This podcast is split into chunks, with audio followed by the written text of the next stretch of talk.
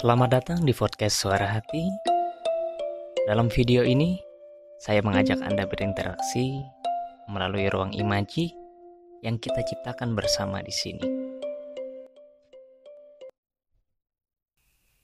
Hai, apa kabar?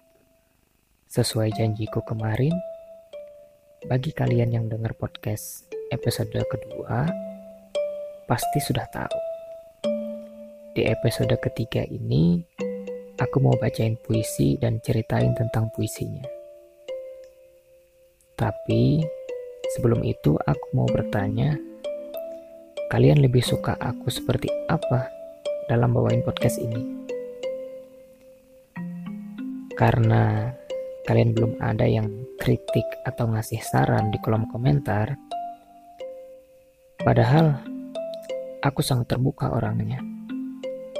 Aku mau channel ini berkembang sesuai keinginan kalian. Karena channel ini sebuah eksperimen dari aku.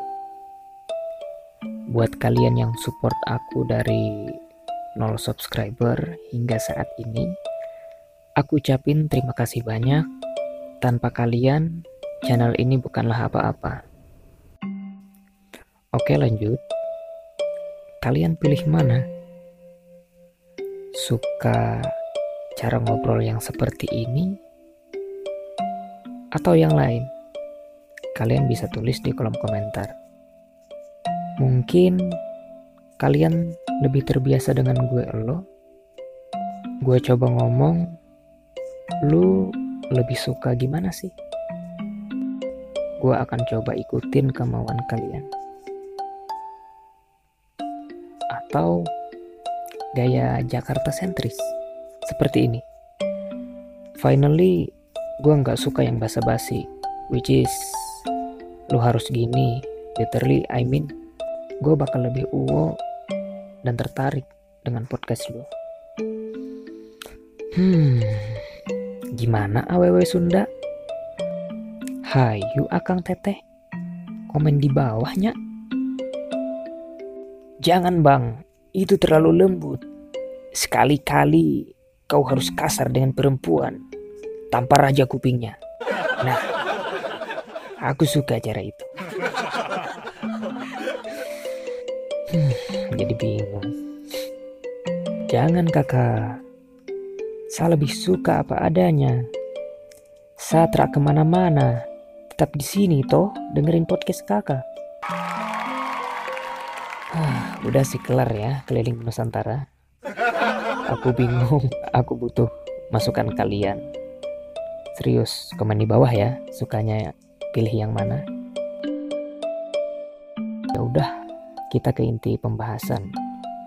Aku bakal cerita dan bacain puisinya.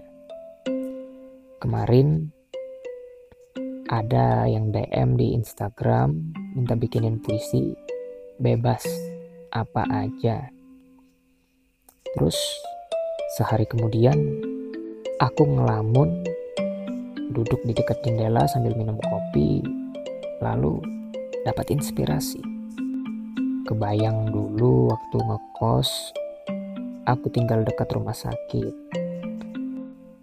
Sampai nongkrong malam hingga subuh juga di warteg 24 jam dekat rumah sakit. Jadi sering ngeliat bahkan ngobrol bareng perawat, dokter, satpam, petugas parkir. Ingat hal itulah terbesit menulis puisi ini. Hampir tiap hari bunyi ambulan terdengar.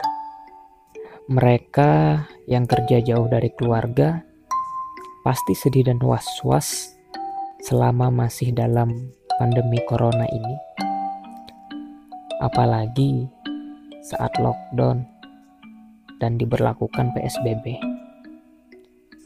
Aku membayangkan jika aku masih di sana yang jarang pulang kampung dan jika ingin berkomunikasi dengan keluarga, sinyal mereka di kampung sulit ditebak. Kadang panggilan biasa terputus-putus, apalagi mau video call Bagi kalian yang di perantauan, pasti akan ikut meresapi puisi ini.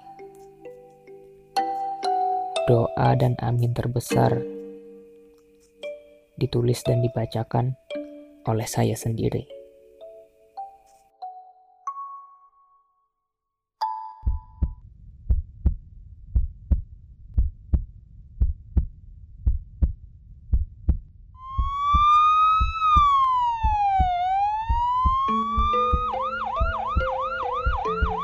Siapa yang tidak menangis melihat ibu pertiwi?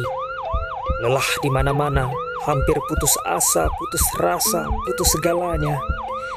Jantung berdebar kencang setiap hari mendengar bunyi ambulan lalu lalang. Melintas laju tak kenal siang, tak kenal malam. Meski aku tidak sakit, tapi batinku sedang sakit. Aku tinggal di dekat rumah sakit. Aku melihat orang sakit. Aku melihat orang merawat orang sakit. Aku melihat dokter, perawat, satpam, dan petugas rumah sakit. Aku merasakan mereka khawatir akan jatuh sakit. Jauh dari keluarga adalah pengalaman yang pahit. Berharap pulang tak kunjung pulang, datang tak kunjung datang. Kita hanya bisa bertukar kabar lewat pesan dan suara.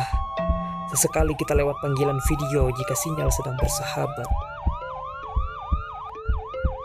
Semoga pandemi corona akan segera berakhir. Aku rindu kamu rindu kita, kita rindu mereka.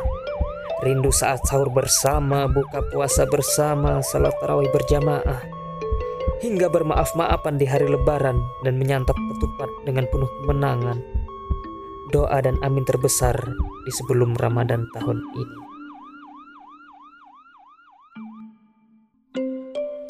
Terima kasih sudah bergabung dengan podcast singkat ini. Jangan lupa like, comment, dan subscribe. Jangan lupa bahagia. Sampai jumpa di podcast selanjutnya.